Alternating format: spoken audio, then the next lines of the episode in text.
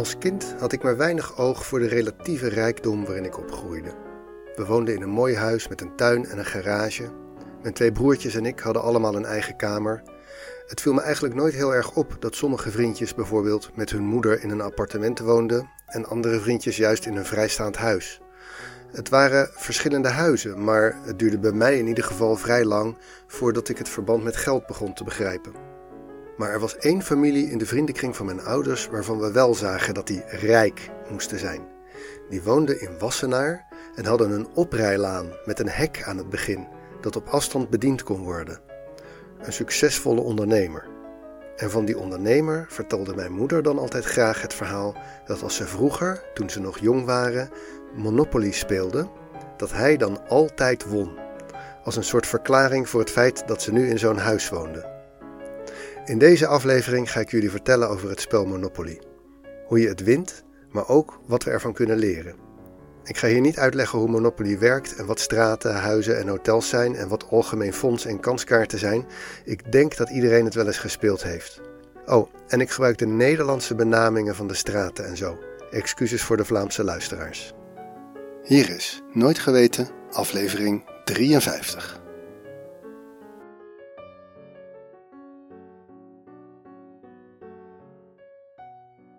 Laat ik maar beginnen met het slechte nieuws. Het is niet zo dat Monopoly een goede voorspeller is voor het succes in het ondernemerschap. In de eerste plaats kan je bij Monopoly eigenlijk helemaal niet zo heel veel keuzes maken. Je loopt maar rond over dat bord met je pionnetje en je dobbelsteen bepaalt waar je terechtkomt. Je kan niet sturen of zo, er bestaan geen slimme zetten. Je kan eigenlijk alleen beslissen om straten te kopen of niet en om er huizen op te zetten of niet. Nou, daarbij is de winnende strategie vrij overzichtelijk. Zeker in het begin van het spel koop je alles wat je kan kopen. Maar er is één ding waarin je je als speler kan onderscheiden, en dat is het handelen. Spelers mogen straten en stations met elkaar ruilen en aan elkaar verkopen. Maar ja, wat is een straat eigenlijk waard vergeleken met een station of een andere straat? Daarin onderscheidt zich de goede Monopoly-speler van de matige, en dat ga ik jullie nu uitleggen. Alle straten hebben verschillende prijzen als je ze koopt en geven ook verschillende inkomsten als er iemand op jouw vakje komt staan. Ook zijn er vakjes waarop mensen vaker terechtkomen dan op andere. Zo is er een kanskaart met ga naar Borteljorenstraat, dus op die straat landen mensen net iets vaker. Met name het vakje gevangenis is een plek waar spelers vaak komen. En met twee dobbelstenen gooi je vaak 6, 7 of 8. Je kan met de computer een heel Monopoly-spel, inclusief het trekken van kanskaarten en dubbele ogen gooien enzovoort, simuleren en kijken op welke vakjes de spelers terechtkomen. Dat is natuurlijk al lang door allerlei mensen gedaan, dus we weten dat de gevangenis inderdaad het vakje is waarop spelers het vaakst komen. Die kan je alleen niet kopen.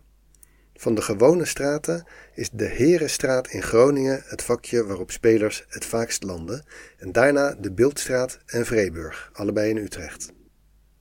Leuk om te weten, maar eigenlijk moet je kijken naar wat het dan kost om die straten te kopen en wat het oplevert als andere spelers erop komen.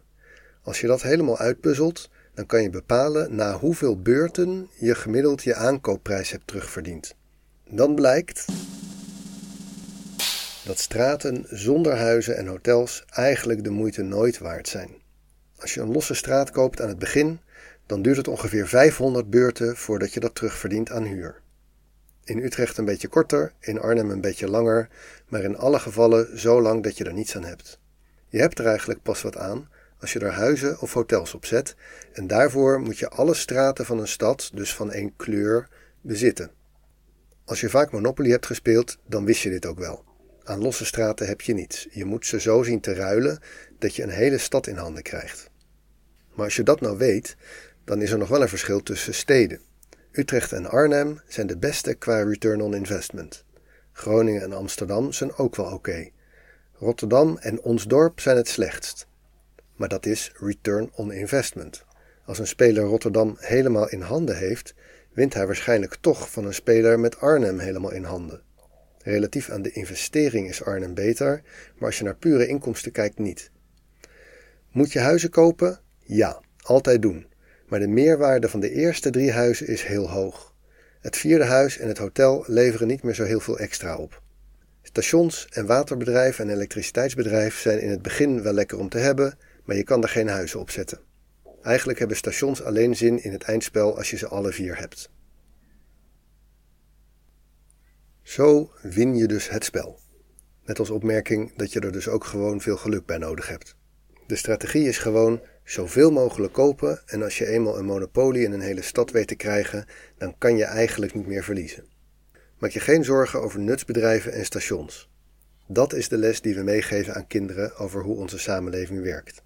Koop zoveel mogelijk op, creëer monopolies en het geld van de verliezers stroomt jouw kant op. Dat is een pijnlijke conclusie als je de ontstaansgeschiedenis van het spel kent.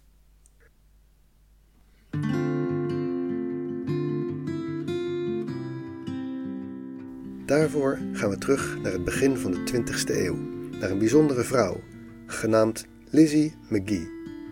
Ze was op dat moment een jaar of 35. Ze werkte als stenograaf, maar daarnaast was ze actrice, dichter, politiek actief voor het vrouwenstemrecht en ze was een overtuigde Georgist. Dat was een beweging in die tijd waarvan het gedachtegoed een beetje doet denken aan wat Piketty tegenwoordig schrijft. Ze wilde een einde aan de belasting op arbeid en handel en ze wilde alleen nog maar belasting op bezit, met name van grond en onroerend goed. Die Georgistische beweging was in die tijd vrij populair, juist omdat het een tijd was waarin een kleine groep industriëlen, zoals Rockefeller en Carnegie, krankzinnig rijk werden, terwijl het voor de rest van de bevolking aanmodderen was. Lizzie McGee maakte een spel om inzichtelijk te maken wat het probleem was. Zonder ingrijpen worden de rijken alleen maar rijker en heeft de rest aan het eind niets over. Ze ontwierp een bordspel waarin de vakjes straten in haar stad waren. De meeste bordspellen in die tijd waren varianten op ganzenbord en het ladderspel, waarbij je had gewonnen als je aan het eind van het pad wist te komen. McGee bedacht een spelbord waarop je telkens maar rond bleef lopen. Ze noemde het de Landlord's Game, het huisbazenspel. Het spel had ook al kanskaarten en de gevangenis. Maar een belangrijk verschil met het Monopoly wat we nu kennen, is dat het huisbazenspel twee sets spelregels had. Eén, ongeveer zoals het spel dat we kennen, en één waarbij er een belasting op bezit in het spel was, zodat de bezitters van straten en huizen zo nu en dan geld moesten inleveren wat onder de andere spelers verdeeld werd. Zo zouden de spelers er vanzelf achter komen hoe naar het is om uitgeknepen te worden door een huisbaas. En hoeveel eerlijker de wereld zou zijn met een belasting op bezit. Lizzie liet een patent op het spel vastleggen en probeerde het bij Parker Brothers, het grote spellenbedrijf, uitgegeven te krijgen. Die vonden het een beetje te activistisch en wilden hun vingers er niet aan branden, dus gaf Lizzie McGee het spel in eigen beheer uit. Het werd geen groot commercieel succes. Maar het was wel een leuk spel en er ontstond langzamerhand wel degelijk een flinke groep mensen die het speelden, maar niet met het spel zoals Lizzie McGee het had geproduceerd, maar met huisvlijt. Men leerde het van vrienden, schreef de spelregels over en knutselde thuis zelf een bord met de straatnamen van de eigen woonplaats erop. Jammer voor Lizzie McGee, vooral ook omdat in de loop van de tijd bleek dat de brute variant, waarbij je je tegenspelers met woekerhuren het faillissement indreef, veel populairder was dan de rechtvaardige variant met belastingen. Maar de echte teleurstelling voor Lizzie McGee moest toen nog komen.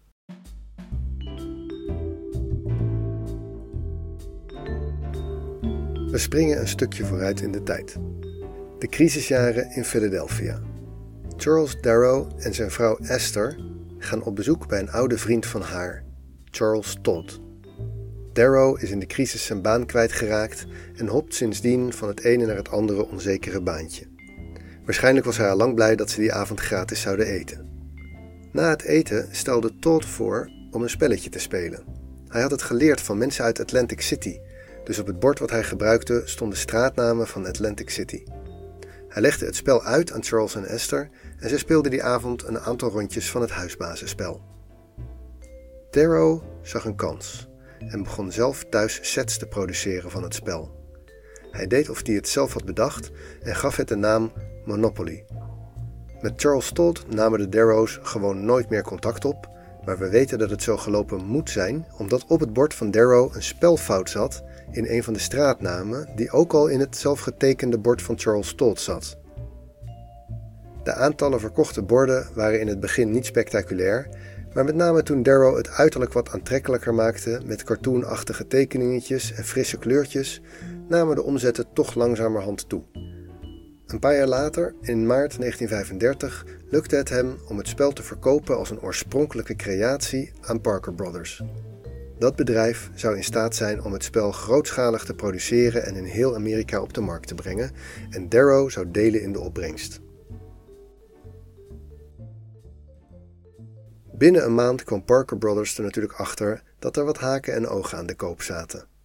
Eerst probeerden ze het Darrow's probleem te maken en hem te laten zorgen dat de claim van die mevrouw McGee werd afgewikkeld, maar de verkopen van het spel liepen goed en ze kozen eieren voor hun geld. Parker Brothers begon onderhandelingen over de rechten.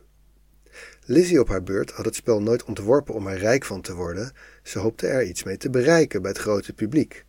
Ze hoopte dat de spellenuitgever die haar huisbazenspel 30 jaar eerder nog had afgewezen, nu alsnog grootschalig de propaganda voor de belasting op bezit zou gaan uitrollen.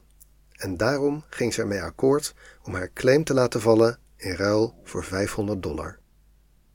Daar kreeg ze al snel spijt van. De twee varianten van het huisbazenspel zaten niet in Monopoly. Alleen de variant waarbij de monopolist zijn tegenstander zo snel mogelijk failliet probeert te krijgen. In de kleine lettertjes stond ook dat ze akkoord ging met het verhaal van Darrow dat hij het spel in zijn kelder helemaal zelf bedacht had. Parker Brothers vond dat namelijk wel een mooi verhaal en gebruikte het ook in de marketing. De werkloze, maar ondernemende huisvader die in zijn kelder een spel ontwerpt om zijn gezin uit de armoede te halen. Dus werd de naam van McGee nergens ook maar genoemd en werd de ontstaansmythe van Monopoly grootschalig uitgerold. Monopoly werd een van de best verkochte bordspellen aller tijden en Darrow werd de allereerste die van het ontwerpen van een spel miljonair werd. Op het bord, zoals het in de Verenigde Staten wordt verkocht, staan nog steeds de straten van Atlantic City, inclusief de spelfout die Darrow overnam bij het kopiëren van het bord van Charles Todd. En Lizzie McGee? McGee was een bijzondere vrouw en ik denk niet dat ze ermee zat dat anderen met haar idee geld verdienden, maar ze zal er wel enorm van gebaald hebben dat haar spel pas de wereld overging toen haar boodschap er vakkundig uitgesloopt was. Bij de volkstelling van 1940 gaf ze als beroep op maker van spellen. Bij inkomen vulde ze in 0 dollar.